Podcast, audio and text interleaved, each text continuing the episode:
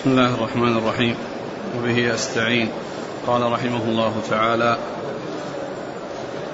باب ما جاء في صلاة الخوف. قال حدثنا محمد بن الصباح. قال أخبرنا جرير عن عبيد الله بن عمر عن نافع عن ابن عمر رضي الله عنهما أنه قال قال رسول الله صلى الله عليه وسلم في صلاة الخوف أن يكون الإمام يصلي بطائفة معه. فيسجدون سجدة واحدة وتكون طائفة منهم بينهم وبين العدو. ثم ينصرف الذين سجدوا السجدة مع أميرهم ثم يكونون مكان الذين لم يصلوا. ويتقدم الذين لم يصلوا فيصلوا مع أميرهم سجدة واحدة. ثم ينصرف أميرهم وقد صلى صلاته ويصلي كل واحد من الطائفتين بصلاته سجدة لنفسه. فإن كان خوف أشد من ذلك فرجالا أو ركبانا. قال يعني بالسجدة الركعة. بسم الله الرحمن الرحيم. الحمد لله رب العالمين وصلى الله وسلم وبارك على عبده ورسوله نبينا محمد وعلى آله وأصحابه أجمعين. أما بعد فيقول الإمام ابن ماجه رحمه الله باب في صلاة الخوف. وذكر في هذا الباب ثلاثا من صفات صلاة الخوف. إحداهما اثنتان منهما فيما إذا كان واحدة فيما إذا كان العدو في جهة القبلة واثنتان فيما إذا كان العدو في غير جهة القبلة. وذكر حديث ابن عمر رضي الله تعالى عنهما المشتمل على بيان كيفية صلاة كيفية من كيفيات صلاة الخوف وهي فيما إذا كان العدو في غير جهة القبلة. فإن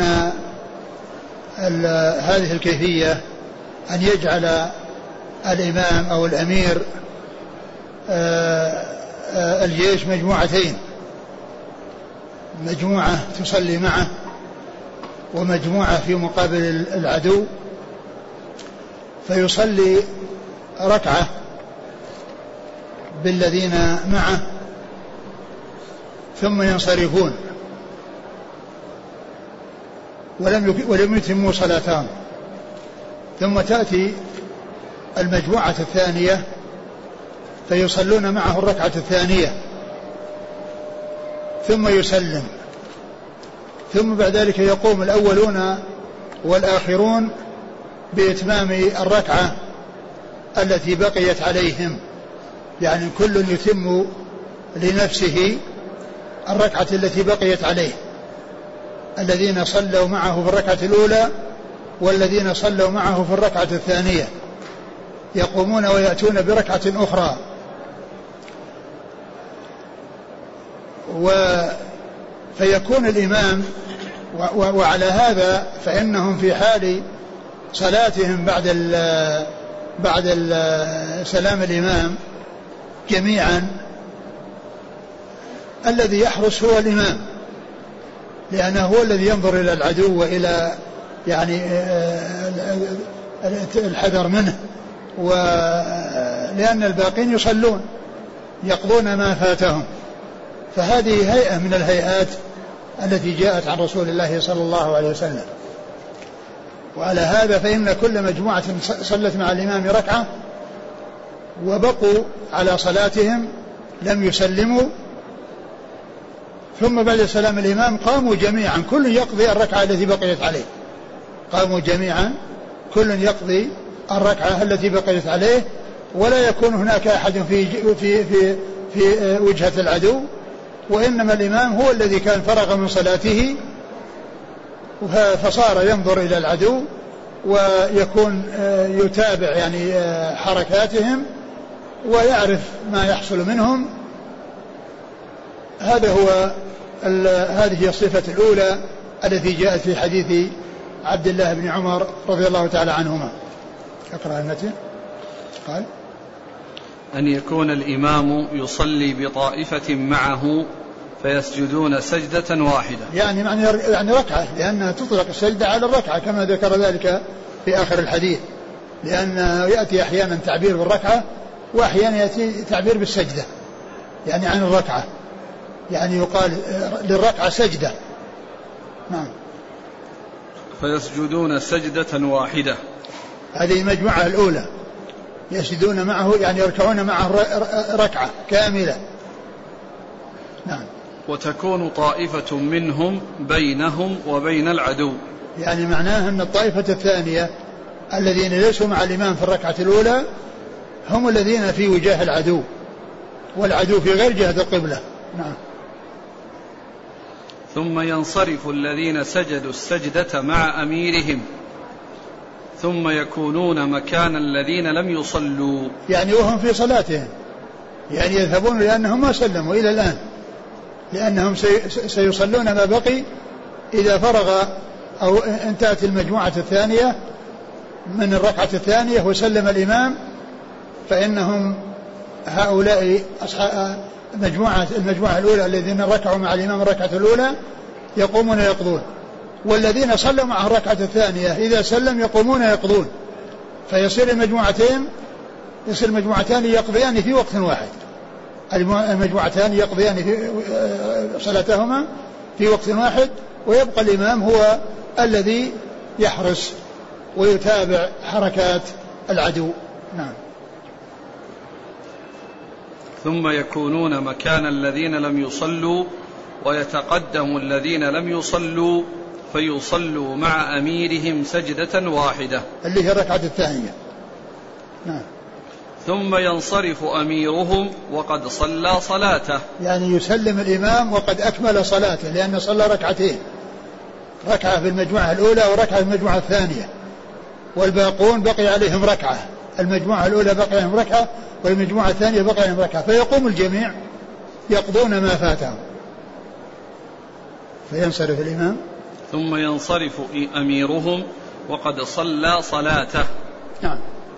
ويصلي كل واحد من الطائفتين بصلاته سجدة لنفسه. يعني لأنه بقي في إكمال صلاته ركعة.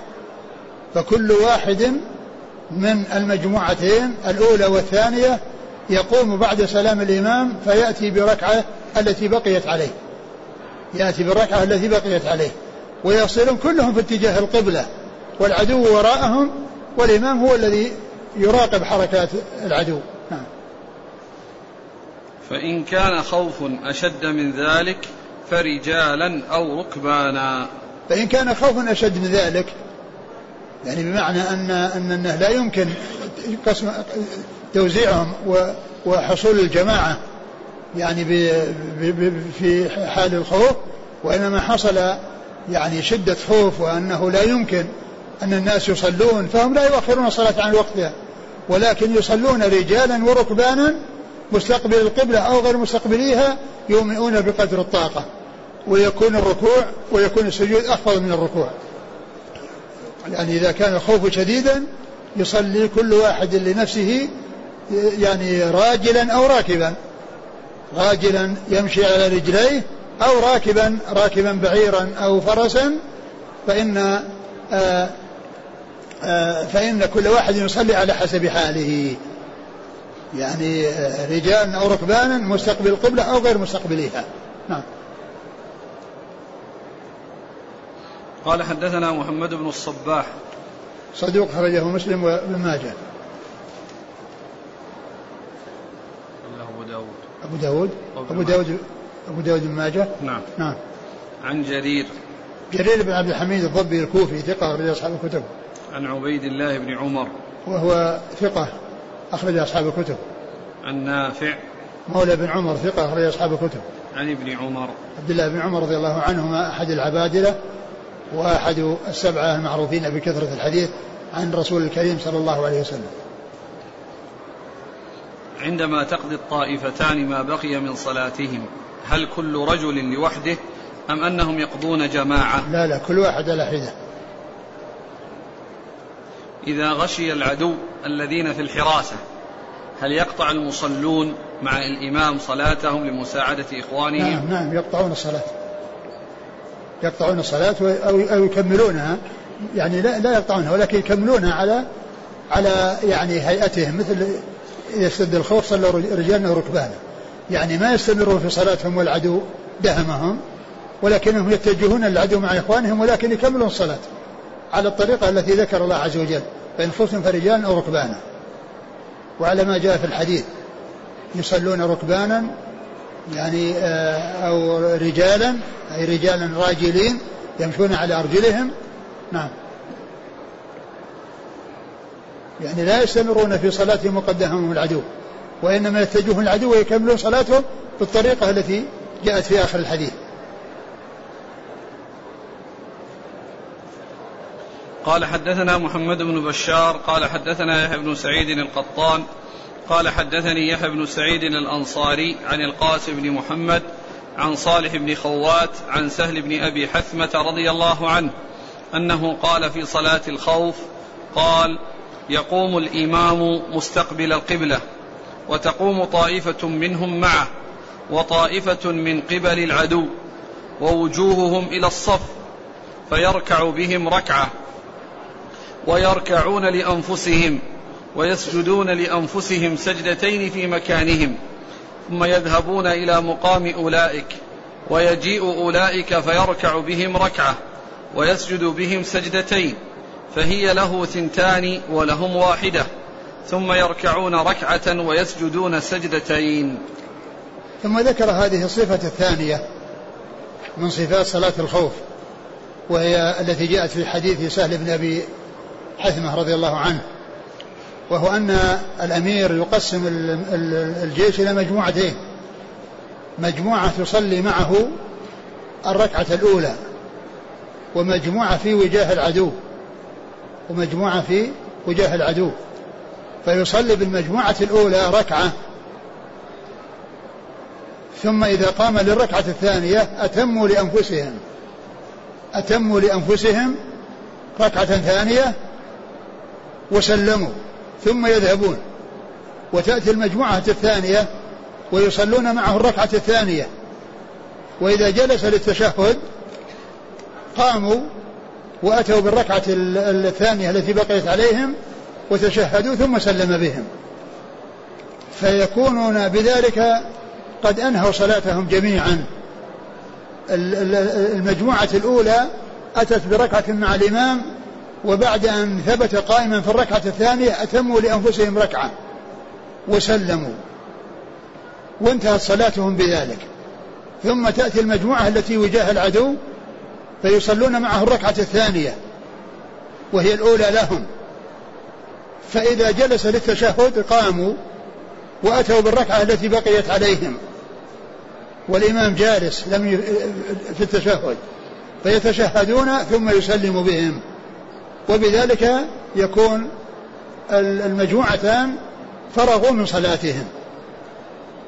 يعني بعد ما يكون الإمام قد سلم يكون كل المجموعتين سلم. والمجموعة الأولى سبقت وسلمت قبل أن والإمام في الركعة الثانية والمجموعة الثانية سلمت مع الإمام. فهذا فهذه صفة الصفة صفة من صفات صلاة الخوف التي جاءت في حديث سهل بن أبي حثمة. نعم. نقول يقوم الإمام مستقبل القبلة وتقوم طائفة منهم معه نعم. وطائفة من قبل العدو. يعني معناه أن العدو في غير جهة القبلة. هذه الصورة مثل التي قبلها العدو في غير جهة القبلة. فهو يصلي والذين معه يصلون كلهم متجهين القبلة. فنعم ووجوههم إلى الصف. وجوههم إلى الصف. يعني إذا كان المقصود به المجموعة الأولى إلى الصف يعني آه، وراء الإمام يعني إلى الأمام إلى القبلة. نعم. فتقوم مجموعة إيش؟ يقول يقوم الإمام مستقبل القبلة وتقوم طائفة منهم معه وطائفة من قبل العدو ووجوههم إلى الصف. نعم إذا كان المقصود به المجموعة الثانية وجوههم إلى الصف يعني إلى العدو. وأما إذا كان المقصود المجموعة الأولى وجوههم كوجهة الإمام. وجوههم كوجه الإمام يعني إلى جهة القبلة. فيركع بهم ركعة ويركعون لأنفسهم ويسجدون لأنفسهم سجدتين في مكانهم. نعم يعني هذا هذه المجموعة الأولى يصلون معه الركعة ثم يقومون ويأتون بركعة الثانية وهم في مكانهم. ويسجدون يعني يركعون ويسجدون ثم يتشهدون ويسلمون ثم يذهبون. ويكونون في وجه العدو وتأتي المجموعة الثانية فتدخل معه في الركعة الثانية وهي الأولى لهم. فإذا جلس للتشهد قاموا وأتوا بالركعة التي بقيت عليهم وتشهدوا وسلم بهم. وبذلك يكون الجميع فرغوا من صلاتهم. ثم يذهبون إلى مقام أولئك ويجيء أولئك فيركع بهم ركعة ويسجد بهم سجدتين فهي له ثنتان ولهم واحدة. ثم يركعون ركعة ويسجدون سجدتين. يعني فتكون لهم اثنتان. هؤلاء المجموعة الثانية تكون لهم اثنتان. يعني واحدة مع الإمام وواحدة بعد سلام الإمام. وأولئك لهم الأولى مع الإمام والركعة الثانية أتوا بها والإمام في الركعة الثانية. وسلموا وانصرفوا. وجاء أولئك وصلوا وقاموا مقامهم. نعم. قال حدثنا محمد بن بشار هو الملقب بن دار ثقة أخرج أصحاب الكتب. عن يحيى بن سعيد القطان. ثقة أخرج أصحاب الكتب. عن يحيى بن سعيد الأنصاري. ثقة أخرج أصحاب الكتب. عن القاسم بن محمد. وهو آه، ابن أبي بكر الصديق أحد أحد فقهاء المدينة السبعة وهو ثقة أخرج أصحاب الكتب. عن صالح بن خوات وهو ثقة أخرج أصحاب الكتب. عن سال بن أبي حثمة. رضي الله عنه أخرج له أصحاب الكتب. يقول كيف يعرف الإمام أن المجموعة الثانية دخلت معه في الصلاة؟ وكيف يعرف أنهم فرغوا؟ طبعا لا شك أنه علمهم هذا الشيء. يعني هذا هذا العمل لا يكون إلا لتعليمه إياهم قبل أن يدخلوا في الصلاة. قبل أن يدخلوا في الصلاة. يعني فهذا التنظيم وهذا الترتيب وهذا العمل معلوم لهم قبل أن يدخلوا الصلاة وإلا يعني كيف يقدمون على عمل يعني إلا بتوقيف؟ نعم. هل صلاة الخوف دائما ركعتين وإن كانت مغرب أو صلاة رباعية؟ آه كما هو معلوم ال ال ال آه صلاة الخوف يعني مثل صلاة السفر. يعني مقصورة. والمغرب يعني لا تقصر. نعم. أما يحتمل تكون صلاة خوف في الحضر محاصرون. نعم. صلاة الخوف ما تكون إلا في سفر؟ لا تكون في الحضر. فالهيئة تختلف. تكون في الحضر. يعني إذا صار أن العدو مثلا جاءهم وهم وهم يعني مثلا على على مشارف البلد نعم. وهم مقيمون ويعني فيصلون بنفس الطريقة التي كانوا فيها في السفر. في السفر؟ مثل الطريقة اللي كانوا عليها في السفر. صار يعني يعني صار القصر في غير سفر. نعم. لكن لأجل فقط الخوف. أي في الخوف. لأن المقصود بالخوف. قال محمد بن بشار فسألت يحيى بن سعيد القطان عن هذا الحديث فحدثني عن شعبة عن عبد الرحمن بن القاسم عن أبيه عن صالح بن خوات عن سهل بن أبي حثمة رضي الله عنه عن النبي صلى الله عليه وسلم بمثل حديث يحيى بن سعيد. قال قال لي يحيى اكتبه إلى جنبه ولست أحفظ الحديث ولكن مثل حديث يحيى. قال قال محمد بن بشار فسألت يحيى بن سعيد القطان عن هذا الحديث فحدثني عن شعبة عن عبد الرحمن بن القاسم عن أبيه عن صالح بن خوات عن سهل بن أبي حثمة عن النبي صلى الله عليه وسلم بمثل حديث يحيى بن سعيد. قال قال لي يحيى اكتبه إلى جنبه ولست أحفظ الحديث ولكن مثل حديث يحيى. ثم ذكر طريق ثاني. الطريق الأول موقوف لأنه ليس فيه إضافة للرسول صلى الله عليه وسلم. والطريق الثاني فيه أنه مرفوع لأنه أضافه إلى الرسول صلى الله عليه وسلم. وكل من الإسنادين صحيح. كل من الإسنادين صحيح. نعم. الشاهد الثاني. محمد بن بشار عن يحيى بن سعيد القطان عن شعبة. شعبة بن الحجاج ثقة أخرج أصحاب الكتب. عن عبد الرحمن بن القاسم. آه، ثقة أخرج أصحاب الكتب. عن أبيه عن صالح بن خوات عن سهل بن أبي حثمة. نعم. قال حدثنا أحمد بن عبدة قال حدثنا عبد الوارث بن سعيد قال حدثنا أيوب عن أبي الزبير عن جابر بن عبد الله رضي الله عنهما أن النبي صلى الله عليه وسلم صلى بأصحابه صلاة الخوف فركع بهم جميعا ثم سجد رسول الله صلى الله عليه وسلم والصف الذين يلونه والآخرون قيام. حتى إذا نهض سجد أولئك بأنفسهم سجدتين. ثم تأخر الصف المقدم حتى قاموا مقام أولئك. وتخلل أولئك حتى قاموا مقام الصف المقدم. فركع بهم النبي صلى الله عليه وسلم جميعا. ثم سجد رسول الله صلى الله عليه وسلم والصف الذي يلونه.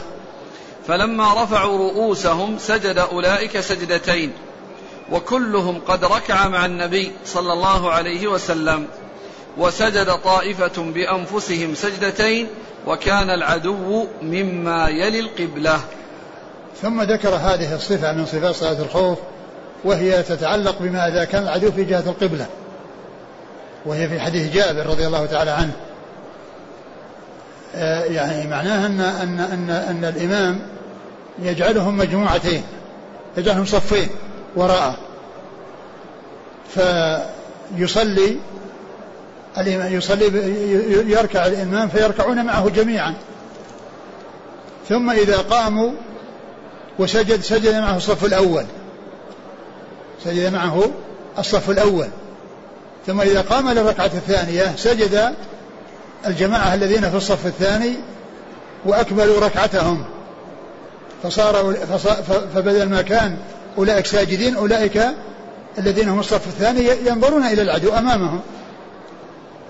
فإذا آه، فرغت الركعة الأولى وقاموا إلى الركعة وأولئك ركعوا الذين سجدوا السجود عليهم بعدما يقومون في الركعة الثانية يتأخر الصف الأول يعني يمشون القهقرة على وراء وأولئك يتخللونهم ويتقدمون فيصلون هم الصف الأول.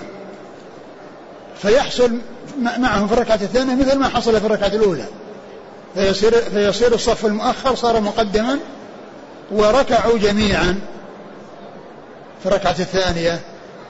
ثم سجد الصف الإمام والصف الأول الذي معه الذي كان هو الثاني في الأول. فإذا قاموا من السجود أولئك سجدوا لأنفسهم. قاموا اللي هو الصف الثاني اللي كان صف أول. سجدوا لأنفسهم ثم جلسوا في التشهد يعني ينظرون إلى العدو أمامهم ثم سلم بهم. فيكون آه فيكون آه يعني الفرق بينهم آه، بالسجود. يعني يعني هؤلاء يسجدون وأولئك ينظرون. ثم الركعة الثانية يكون العكس. وهذا فيما إذا كان العدو في جهة القبلة. نعم. النبي صلى الله عليه وسلم صلى بأصحابه صلاة الخوف فركع بهم جميعا. نعم. لأنهم يركعون جميعا. لأن في حال الركوع ما في مشكلة. يعني يمكن أن يروا. لأنهم يعني السجود هو الذي فيه الإشكال. وإنما الركوع يركعون جميعا. ثم يقومون من الركوع جميعا. ثم إذا سجد سجد معه الصف الأول.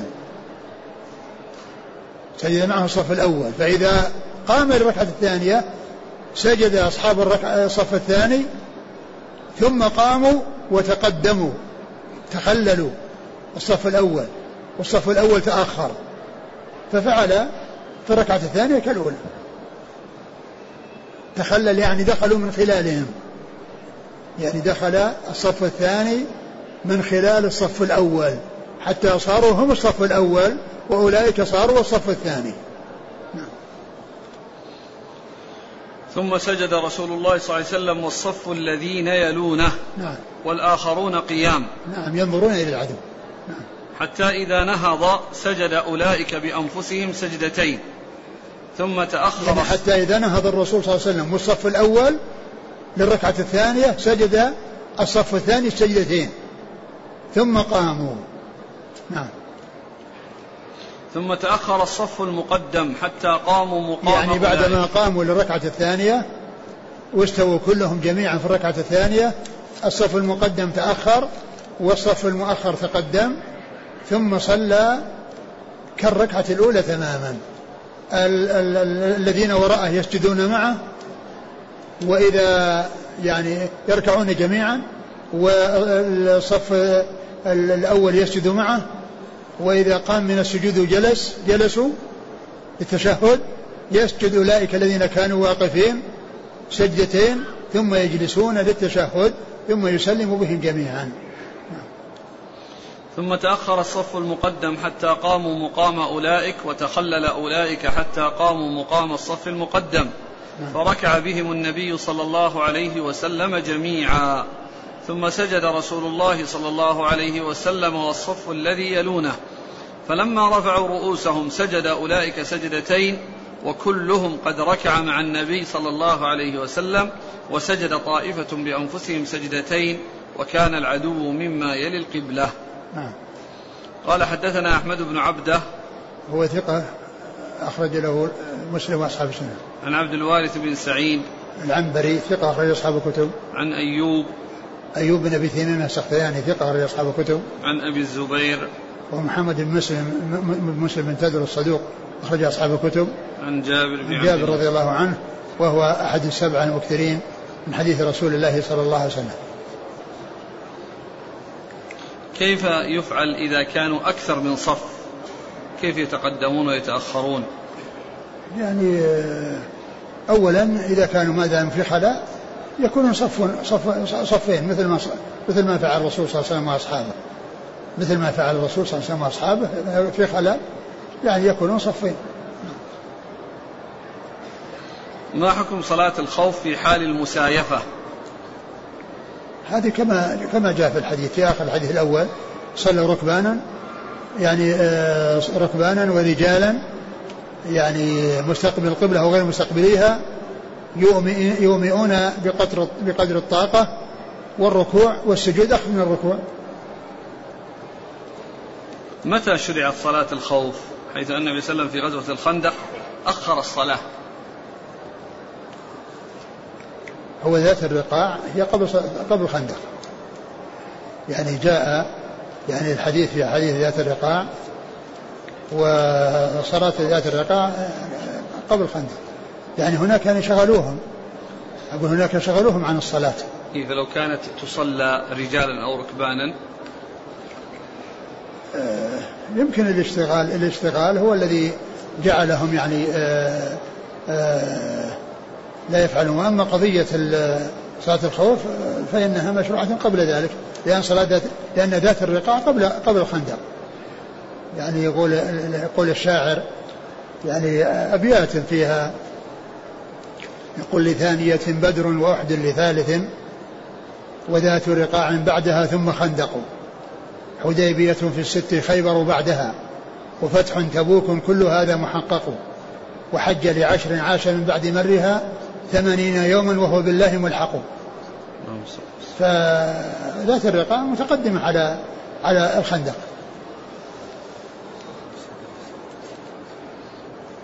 أسئلة عن كيفية صلاة الخوف في الوقت الحاضر مع تطور الأسلحة وكثرة أعداد الجيوش. يعني كما هو معلوم الآن أن تغير الوضع يعني صار الآن صار شيء من فوق وشيء من من تحت.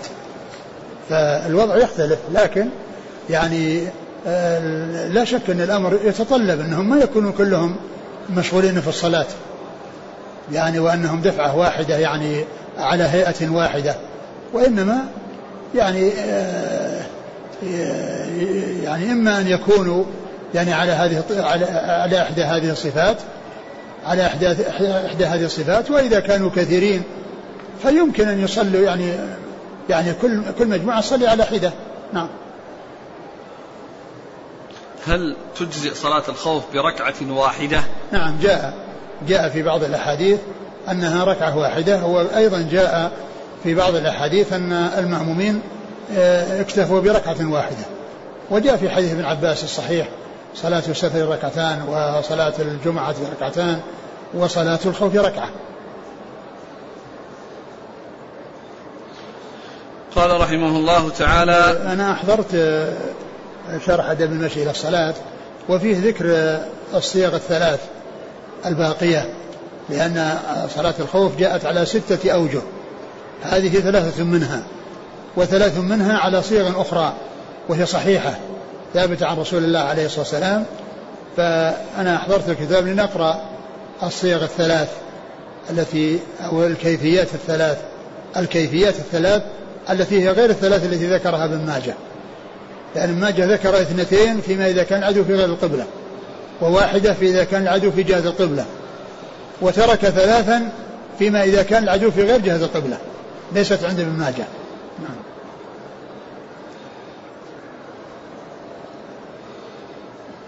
صفحة 52 133 133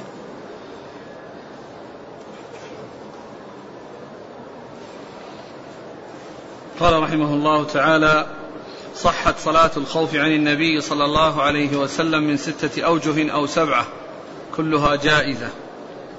هذا كلام الشيخ محمد عبد الوهاب في أدب المشي إلى الصلاة. نعم. وأما حديث سهل فأنا أختاره. وهي يعني هذا هذا اختيار الإمام أحمد. اختيار لأحمد أنه يختار حديث سهل قصة الحديث الكيفية. وطبعا هذا من اختلاف التنوع. يعني كونه يختاره ليس معنى ذلك أن الصيغ الأخرى يعني آه، فيها إشكال. فإن كل ما ثبت عن الرسول صلى الله عليه وسلم من الكيفيات فالأخذ بواحدة منها حق. أي واحدة يكون الأخذ بها حق. فقوله أنا أختاره يعني يختار كيفية من الكيفيات. لا يعني أن تلك الصيغ الأخرى أنها غير صحيحة وإنما مثل التشهد آه، صيغ التشهد وصيغ الاستفتاح. يعني آه، إذا أخذ الإنسان بواحد من هذا وواحد من هذا صحيح. وهذا يسمى اختلاف تنوع مو اختلاف تضاد. نعم. وهي صلاة ذات الرقاع. طائفة صفت معه وطائفة وجاه العدو فصلى بالتي معه ركعة ثم ثبت قائما وأتموا لأنفسهم ثم انصرفوا وصفوا وجاه العدو. وجاءت الطائفة الأخرى فصلى بهم الركعة التي بقيت من صلاته ثم ثبت جالسا وأتموا لأنفسهم ثم سلم بهم. متفق عليه.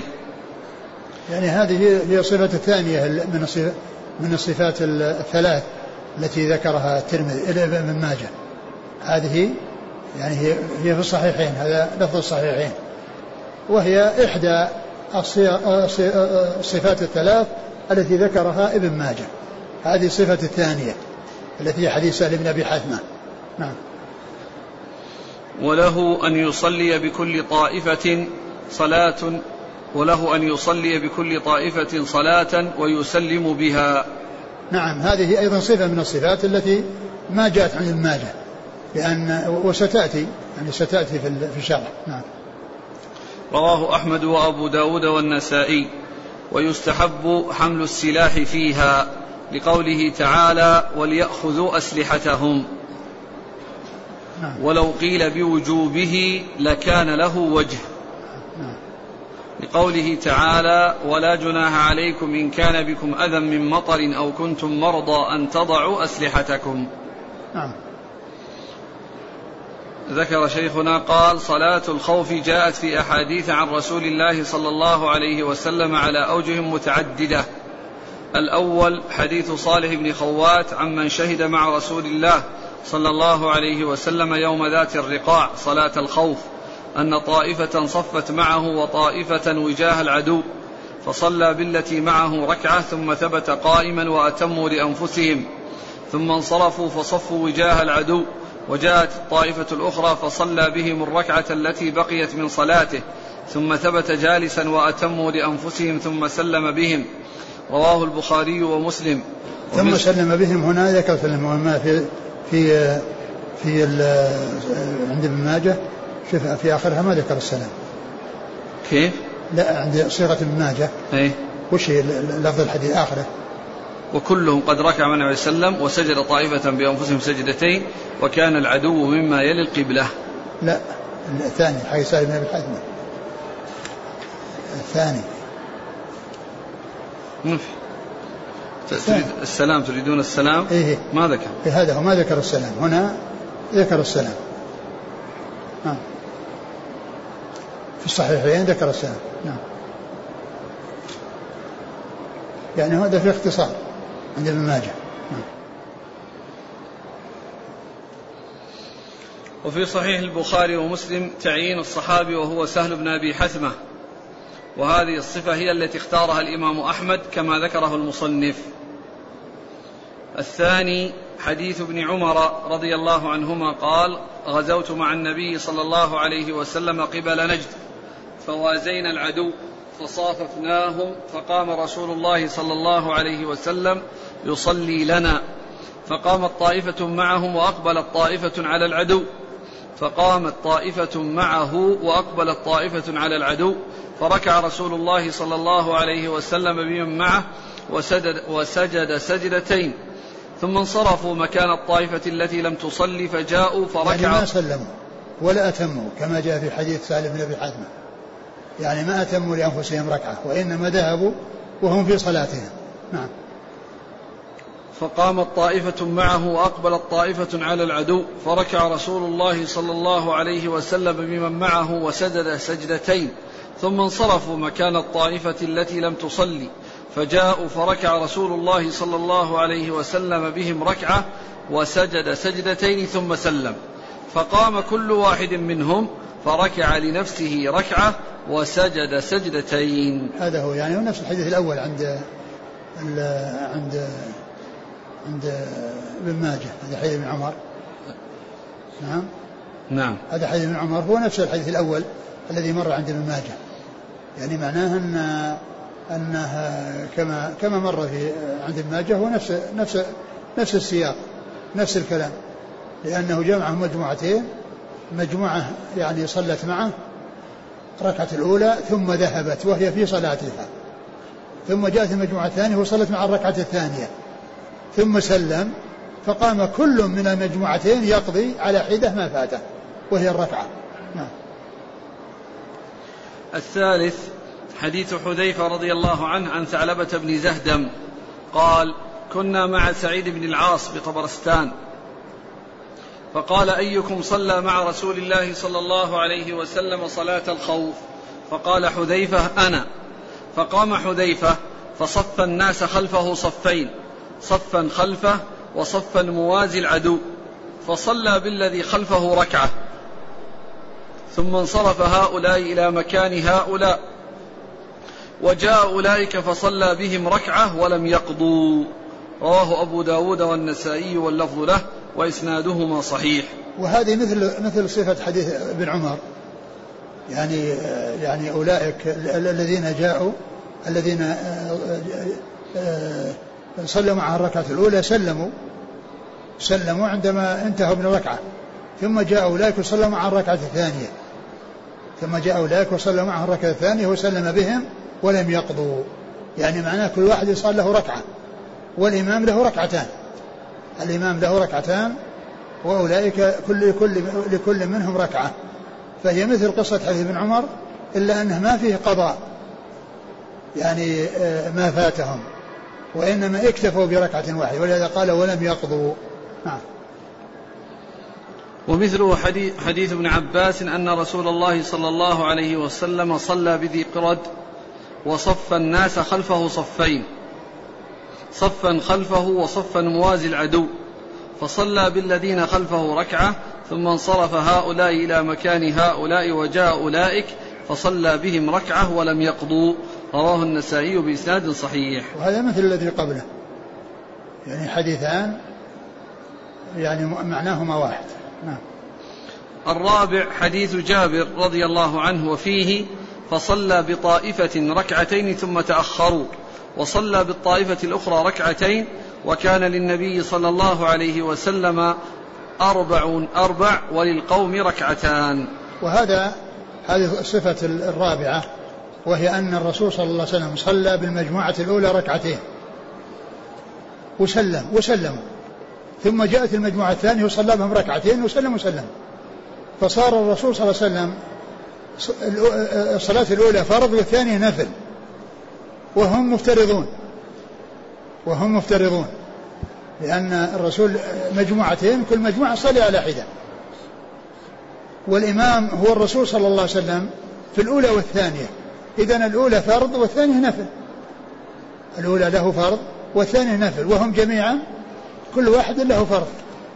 وهذه الصفة هي التي قال بعض أهل العلم في قصة آه، حجة الرسول صلى الله عليه وسلم لما ذهب يوم العيد إلى مكة لطواف الإفاضة وجاءت الأحاديث الصحيحة. بعضها يقول صلى في مكة الظهر وبعضه يقول صلى في منى. بعضها يقول صلى في مكة وبعضها صلى في منى. يعني والأحاديث صحيحة ثابتة عن رسول الله عليه الصلاة والسلام. فيها من يقول إنه صلى بمكة وفيها من يقول إنه صلى في منى.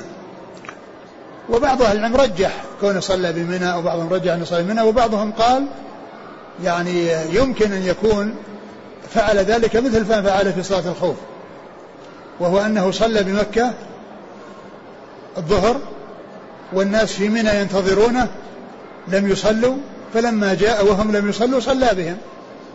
فتكون صلاته بمكة هي الفرض وصلاته في منى نافلة. فتكون على صيغة صلاة الخوف هذه. نعم. رواه أكمل الحديث. رواه البخاري ومسلم عند النسائي عنه بلفظ أن النبي صلى الله عليه وسلم صلى بطائفة من أصحابه ركعتين ثم سلم ثم صلى بآخرين أيضا ركعتين ثم سلم. نعم. وعن أبي بكرة رضي الله عنه أن رسول الله صلى الله عليه وسلم صلى بالقوم في الخوف ركعتين ثم سلم. ثم صلى بالقوم الآخرين ركعتين ثم سلم فصلى النبي صلى الله عليه وسلم اربعا رواه النسائي وهو حديث صحيح. وقوله فصلى النبي صلى الله عليه وسلم اربعا يعني أن الأوليين فريضة والأخريين نافلة.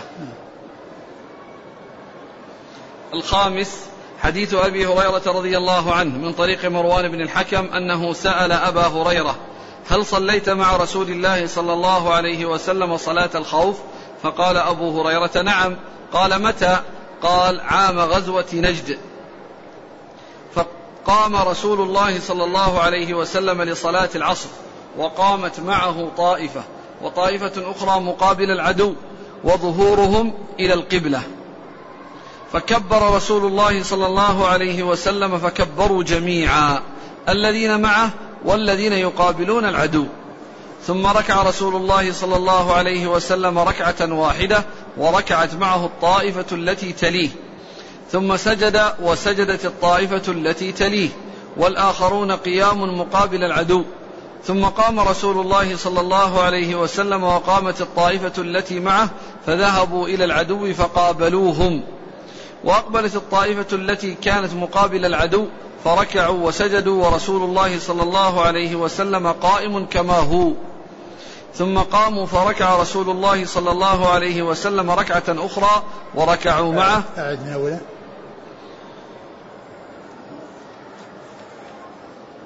قام رسول الله صلى الله عليه وسلم لصلاة العصر وقامت معه طائفة وطائفة أخرى مقابل العدو وظهورهم إلى القبلة. فكبر رسول الله صلى الله عليه وسلم فكبروا جميعا. الذين معه والذين يقابلون العدو. يعني كلهم دخلوا في الصلاة. يعني هذه الهيئة تختلف عن الهيئات السابقة. يعني هذه السابقة يعني أولئك يذهبون وهؤلاء يأتون. وهذا يعني لاتجاه القبل الذين وجوههم إلى العدو وظهورهم للقبلة يعني ظهور هؤلاء مقابل لظهور هؤلاء. فكلهم كبروا جميعا. دخلوا في الصلاة جميعا. نعم. فكبروا جميعا الذين معه والذين يقابلون العدو. ثم ركع رسول الله صلى الله عليه وسلم ركعة واحدة وركعت معه الطائفة التي تليه. ثم سجد وسجدت الطائفة التي تليه. والآخرون قيام مقابل العدو. ثم قام رسول الله صلى الله عليه وسلم. وقامت الطائفة التي معه فذهبوا إلى العدو فقابلوهم. وأقبلت الطائفة التي كانت مقابل العدو فركعوا وسجدوا ورسول الله صلى الله عليه وسلم قائم كما هو. ثم قاموا فركع رسول الله صلى الله عليه وسلم ركعة أخرى وركعوا معه وسجد وسجدوا معه. ثم أقبلت الطائفة التي كانت مقابل العدو فركعوا وسجدوا ورسول الله صلى الله عليه وسلم قاعد ومن معه. ثم كان السلام. فسلم رسول الله صلى الله عليه وسلم وسلموا جميعا. فكان لرسول الله صلى الله عليه وسلم ركعتان. ولكل رجل من الطائفتين ركعتان ركعتان. رواه أبو داود والنسائي واللفظ له. نعم يعني هذه الكيفية آه، فيها أن المجموعة الأولى صلاتهم صارت متفرقة لأنهم صلوا ركعة وذهبوا. والذين كانوا وجاه العدو صلوا معها الركعة ال يعني ال صلوا لأنفسهم. يعني قبل والإمام قائم. صلوا والإمام قائم صلوا لأنفسهم ثم دخلوا معه في الركعة الثانية. وأولئك ذهبوا الذين هم في الصف الأول ذهبوا وهم في صلاتهم.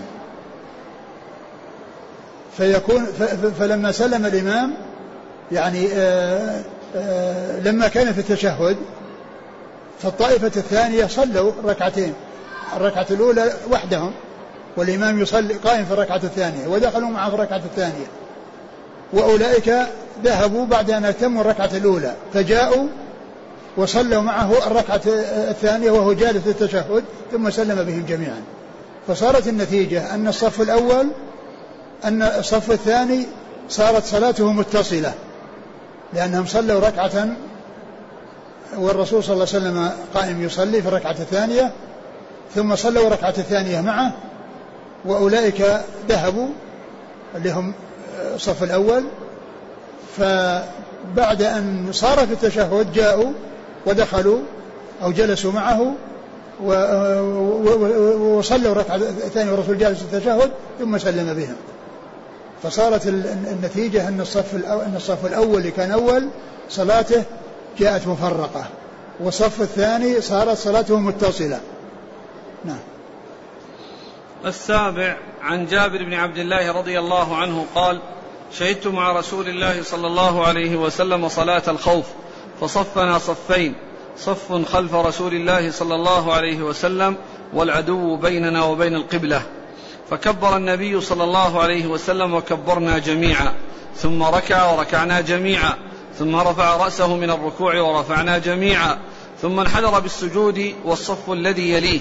وقام الصف المؤخر في نحر العدو. فلما قضى النبي صلى الله عليه وسلم السجود وقام الصف الذي يليه انحدر الصف المؤخر بالسجود وقاموا. ثم تقدم الصف المؤخر وتأخر الصف المقدم ثم ركع النبي صلى الله عليه وسلم وركعنا جميعا ثم رفع رأسه من الركوع ورفعنا جميعا ثم انحدر بالسجود والصف الذي يليه الذي كان مؤخرا في الركعة الأولى. وقام الصف المؤخر في نحور العدو. فلما قضى النبي صلى الله عليه وسلم السجود والصف الذي يليه انحدر الصف المؤخر بالسجود فسجدوا ثم سلم النبي صلى الله عليه وسلم وسلمنا جميعا. رواه مسلم. نعم. هذه هذه الصفة التي الثالثة عند ابن ماجه التي هي في العدو في جهة القبلة. يعني إذا الكيفيات يعني واحدة يعني هي سبع سبع كيفيات. نعم. السابع بقي. نعم. بقي السابع. نعم هذا اللي راح السادس. السادس نعم. السابع عن ابن عباس رضي الله عنهما قال فرض الله الصلاة على لسان نبيكم صلى الله عليه وسلم في الحضر أربعة وفي السفر ركعتين وفي الخوف ركعة. رواه مسلم. نعم هذه هي صفة السابعة. يعني أنه يكون ركعة واحدة. وقد مر في في الصفات التي مضت أن يعني آه، أن المأمومين آه، اكتفوا بركعة واحدة ولم يقضوا. بركعة واحدة ولم يقضوا كما سبق أن مر بنا. وعلى هذا فإن يعني ابن ماجه ذكر صفتين من صفات آه، صلاة الخوف فيما إذا كان العدو في غير القبلة وصفة كون العدو في القبلة والصفات الأخرى التي لم يذكرها ابن ماجه هي هذه التي سمعناها وكلها صحيحة ثابتة عن رسول الله صلى الله عليه وسلم. نعم. وصلاة الخوف تفعل في الحضر والسفر. قال الحافظ ابن حجر في فتح الباري وصلاة الخوف في الحضر. قال بها الشافعي والجمهور إذا حصل الخوف. وعن مالك تختص بالسفر. والحجة للجمهور. قوله تعالى وإذا كنت فيهم فأقمت لهم الصلاة. فلم يقيد ذلك بالسفر. والله أعلم. نعم. قال الشيخ محمد وإذا اشتد الخوف صلوا, صلوا رجالا وركبانا مستقبل القبلة وغير مستقبليها. لقوله تعالى فإن خفتم فرجالا أو ركبانا يومئون إيماء بقدر الطاقة ويكون السجود أخفض من الركوع. ولا تجوز جماعة إذا لم تمكن المتابعة. قال الشيخ حفظه الله لا يجوز تأخير الصلاة عن وقتها فإذا كان خوف وأمكن أداؤها صليت بأي صفة من الصفات الثابتة عن رسول الله صلى الله عليه وسلم وإن اشتد الخوف ولم يمكن أداؤها جماعة صلوا رجالا أو ركبانا. لقول الله عز وجل فإن خفتم فرجالا أو ركبانا. ولما في صحيح البخاري عن مالك عن نافع عن ابن عمر وفيه بعد وصف صلاة الخوف فإن كان خوف هو أشد من ذلك صلوا رجالا قياما على أقدامهم أو ركبانا مستقبل القبلة أو غير مستقبليها. قال مالك قال نافع لا أرى عبد الله بن عمر ذكر ذلك إلا عن رسول الله صلى الله عليه وسلم. وهذا هو الذي جاء في آخر حديث ابن عمر عند ابن ماجه والحديث الأول من أحاديث الباب. لأنه قال فإذا كان خوف شديد صلوا ركبان يعني رجالا وركبانا. يعني أيضا هذا جاء يعني في حديث ابن عمر في آخره. هذا الذي أشار إليه مالك. نعم. انتهى؟ نعم. بعد شيء؟ لا خلاص. نعم قال قال الحافظ ابن ماجه رحمه الله تعالى باب ما جاء في صلاة الكسوف. قال حدثنا محمد بن عبد الله بن نمير. قال حدثنا أبي قال حدثنا إسماعيل بن أبي خالد عن قيس بن أبي حازم عن أبي مسعود رضي الله عنه أنه قال قال رسول الله صلى الله عليه وسلم إن الشمس والقمر لا ينكسفان لموت أحد من الناس فإذا رأيتموه فقوموا فصلوا. ثم ذكر صلاة الخسوف أو الكسوف. والخسوف والكسوف معنى واحد. وقيل الخسوف للقمر والكسوف للشمس وقيل العكس. وقد جاء في القرآن وخسف القمر. ف ف آه، وصلاة الكسوف جاءت عن النبي صلى الله عليه وسلم على هيئة معروفة مخصوصة وهي أن أن أنه أنه يصلى ركعتان آه، كل ركعة فيها ركوعان وسجودان وبعد تكبيرة الإحرام والاستفتاح يأتي بقراءة الفاتحة ويطيل القراءة بعد ذلك ثم يركع وإذا رفع بعد ذلك يقرأ الفاتحة ويقرأ شيئا من القرآن وهو أقل مما كان قبل الركوع قبل الركوع قبل الذي كان قبل الركوع. ثم بعد ذلك يسجد ويطيل السجود ويطيل السجود ثم يقوم الركعة الثانية ويفعل كما فعل في الأولى.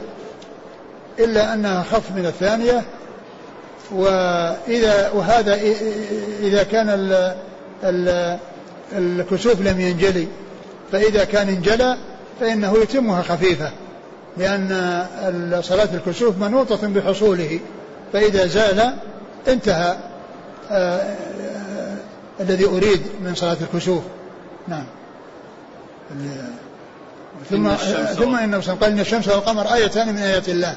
لا ينخسفان لموت أحد ولا لحياته. فإذا راتموها فصلوا. يعني صلوا صلاة الكسوف. وهنا جاءت الصلاة مطلقة ولكن جاء تفصيلها في بعض الأحاديث. جاء تفصيلها في بعض الأحاديث بهذه الكيفية التي أشرت إليها. وقول صلى الله عليه وسلم إن الشمس والقمر آيتان من آيات الله. يعني آه ليس انكسافهما من أجل آه، موت أحد أو لحياة أحد. وقال ذلك صلى الله عليه وسلم لأنه مات إبراهيم ابنه إبراهيم في اليوم الذي انكسفت فيه الشمس. اليوم الذي انكسفت الشمس ف, ف وكان هذا يعرف يعني يقولون في الجاهلية أنها تحصل, تحصل عند موت عظيم. أن الكسوف يحصل عند موت عظيم.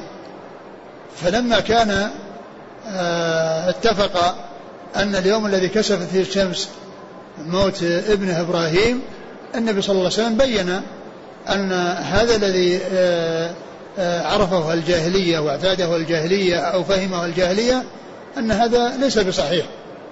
فنفى ذلك وأتى بهذا الكلام الجامع وهو قوله صلى الله عليه وسلم إن الشمس والقمر لا ينكسفان لموت أحد ولا لحياته وأضاف أيضا الحياة. فكما يعني كما أنها لا تنكسف الموت أيضا لا تنكسف للحياة نعم.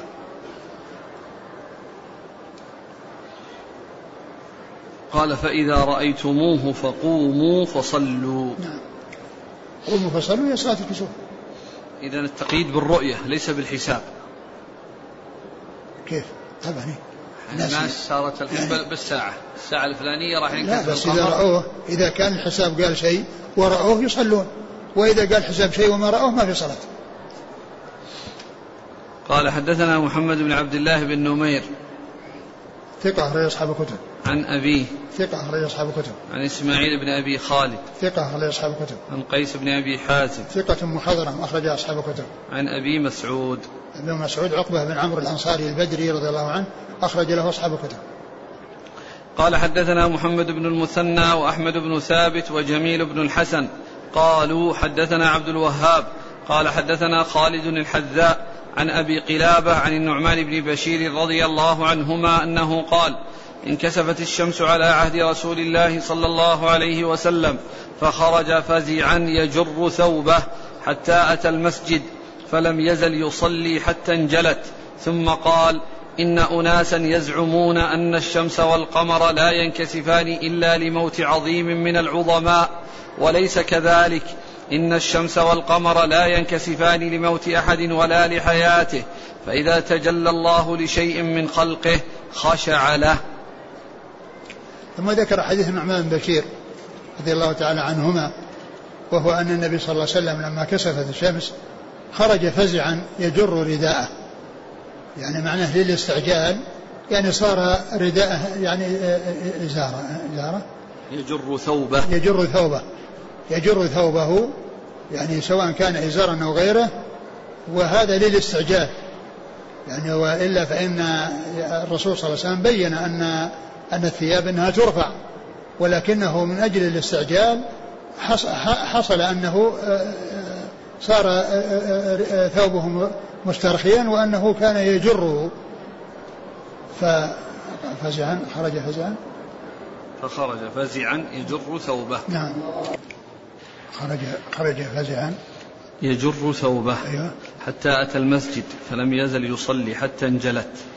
ثم قال إن أناسا يزعمون أن الشمس والقمر لا ينكسفان إلا لموت عظيم من العظماء. فلم يصلي حتى انجلت. يعني أنه إذا حصل الانجلاء والتجلي يعني ينتهى من صلاة الخوف من صلاة الكسوف. لأن لأن سببه الكسوف فإذا ذهب السبب ذهب المسبب الذي هو الصلاة. فإذا انتهى السبب الذي هو الكسوف فإنه ينتهي المسبب الذي هو الصلاة الذي جاء من أجله. ولا يستمر في الصلاة والكسوف قد انتهى. نعم.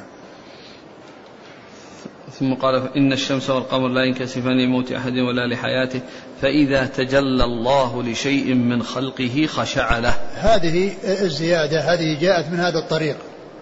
وما جاءت في بقية الأحاديث الكثيرة اللي جاءت عن عدد من الصحابة إلا من هذا الطريق. وهذا الطريق فيه انقطاع بين أبي قلابة وبين النعمان بن بشير. لكن ما عدا هذه الزيادة هي ثابتة في الأحاديث الأخرى ثابت في الأحاديث الأخرى. وهذه الزيادة ما جاءت إلا في هذا الطريق على كثرة الأحاديث. وقال بعضهم أنها جاءت عن ثلاثة عشر من الصحابة ولم تأتي إلا في هذا الطريق وهذا الطريق فيه انقطاع بين آه، عبد الله بن زيد الجرمي اللي هو أبو قلابة وبين النعمان بن بشير فتكون هذه الزيادة التي جاءت من هذا الطريق غير صحيحة. وما عدا ذلك فإنه مطابق أو موافق لما جاء في الأحاديث الأخرى. نعم. قال حدثنا محمد بن المثنى. هو أبو موسى العنزي الملقب بالزمن ثقة أخرج أصحاب الكتب. وأحمد بن ثابت هو؟ صدوق رجل ابن ماجه. نعم. وجميل بن الحسن نعم هو؟ صدوق يخطئ أخرج له ابن ماجه. نعم. عن عبد الوهاب. بن عبد المجيد الثقفي ثقة أخرج أصحاب الكتب. عن خالد الحذاء. خالد بن مهران الحذاء ثقة أخرج أصحاب الكتب. عن أبي قلابة عبد الله بن زيد الجرمي ثقة أخرج أصحاب الكتب. عن النعمان بن بشير رضي الله عنهما أخرج له أصحاب الكتب. قال حدثنا أحمد بن عمرو بن السرح المصري قال حدثنا عبد الله بن وهب قال أخبرني يونس عن ابن شهاب قال أخبرني عروة بن الزبير عن عائشة رضي الله عنها قالت كسفت الشمس في حياة رسول الله صلى الله عليه وسلم فخرج رسول الله صلى الله عليه وسلم إلى المسجد فقام فكبر فصف الناس وراءه فقرأ رسول الله صلى الله عليه وسلم قراءة طويلة ثم كبر فركع ركوعا طويلا ثم رفع رأسه فقال سمع الله لمن حمده ربنا ولك الحمد. ثم قام فاقترأ قراءة طويلة هي أدنى من القراءة الأولى ثم كبر فركع ركوعا طويلا هو أدنى من الركوع الأول. ثم قال سمع الله لمن حمده ربنا ولك الحمد. ثم فعل في الركعة الأخرى مثل ذلك فاستكمل أربع ركعات وأربع سجدات وانجلت الشمس قبل أن ينصرف. ثم قام فخطب الناس فأثنى على الله بما هو أهله. ثم قال إن الشمس والقمر آيتان من آيات الله لا ينكسفان لموت أحد ولا لحياته فإذا رأيتموهما فافزعوا إلى الصلاة.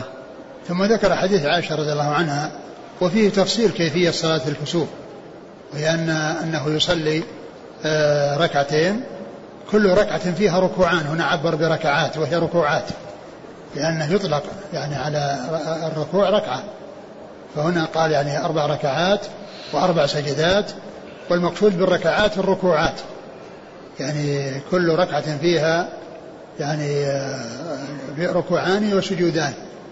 فصارت أربع ركعات وأربع سجدات أي أربع ركوعات.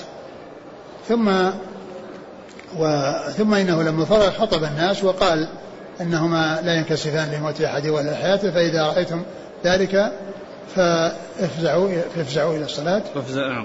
فافزعوا إلى الصلاة. نعم. قال حدثنا أحمد بن عمرو بن السرح المصري. هو؟ ثقة رجل مسلم وأبو داود والنسائي بن ماجه. نعم. عن عبد الله بن وهب. المصري ثقة رجل أصحاب الكتب. عن يونس يونس بن يزيد الايلي ثقة رجل أصحاب الكتب. عن ابن شهاب. محمد بن مسلم بن عبد الله ثقة رجل أصحاب الكتب. عن عروة. عروة بن الزبير ثقة رجل أصحاب الكتب. عن عائشة. عن عائشة أم رضي الله عنها وأرضاها.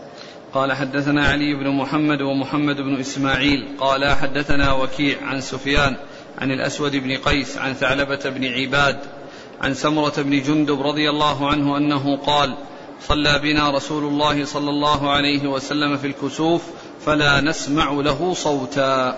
ثم ذكر حديث سمرة بن جندب وأن الرسول صلى الله عليه وسلم من الكسوف ولا يسمعون له صوتا؟ يعني مع أنهم ما سمعوا قراءة له وهذا حديث ضعيف لأنه جاء من طريق يعني هذا ثعلبة بن عباد ويعني آه، والأحاديث بخلافه ثابتة في صحيح البخاري وغيره أنه جهر في القراءة أنه جهر في القراءة في صحيح البخاري وغيره. فقوله لم يسمعوا له صوتا يعني هذا مخالف لما جاء في الأحاديث الصحيحة. نعم. قال حدثنا علي بن محمد. هو طنافسي ثقة أخرجه النسائي في مسند علي وابن ماجه. ومحمد بن إسماعيل. وهو, وهو الأحمسي ثقة نعم. أخرجه الترمذي والنسائي بن ماجه. نعم. عن وكيع عن سفيان. آه، وكيع بن الجراح. ثقة أخرج أصحاب الكتب وسفيان هو الثوري ثقة أخرج أصحاب الكتب. عن الأسود بن قيس. وهو؟ ثقة أخرج أصحاب الكتب. نعم. عن ثعلبة بن عباد. وهو مقبول أخرج له. البخاري في خلق أفعال العباد وأصحاب السنن. نعم. عن سمرة بن جندب. رضي الله عنه أخرج أصحاب الكتب. قال حدثنا محرز بن سلمة العدني. قال حدثنا نافع بن عمر الجمحي. وفي حديث ولا أكثر؟ حديث واحد. نعم. عن ابن أبي مليكة عن أسماء بنت أبي بكر رضي الله عنهما أنها قالت صلى رسول الله صلى الله عليه وسلم صلاة الكسوف فقام فأطال القيام ثم ركع فأطال الركوع ثم رفع فقام فأطال القيام ثم ركع فأطال الركوع ثم رفع ثم سجد فأطال السجود ثم رفع ثم سجد فأطال السجود ثم رفع فقام فأطال القيام ثم ركع فأطال الركوع ثم رفع فقام فأطال القيام ثم ركع فأطال الركوع ثم رفع ثم سجد فأطال السجود ثم رفع ثم سجد فأطال السجود ثم انصرف. فقال لقد دنت مني الجنة حتى لو اجترأت عليها لجئتكم بقطاف من قطافها ودنت, من ودنت مني النار حتى قلت أي رب وأنا فيهم؟ قال نافع. حسبت أنه قال ورأيت امرأة تخدشها هرة لها فقلت ما شأن هذه؟ قال حبستها حتى جاء حتى ماتت جوعا. لا هي أطعمتها ولا هي أرسلتها تأكل من خشاش الأرض. والله تعالى أعلم وصلى الله وسلم وبارك على عبده ورسوله نبينا محمد وعلى آله وأصحابه أجمعين. جزاكم الله خيرا وبارك الله فيكم والهمكم الله الصواب وفوقكم الحق. نفعنا الله ما سمعنا غفر الله لنا ولكم وللمسلمين أجمعين. سبحانك الله وبحمدك أشهد أن لا إله إلا أنت أستغفرك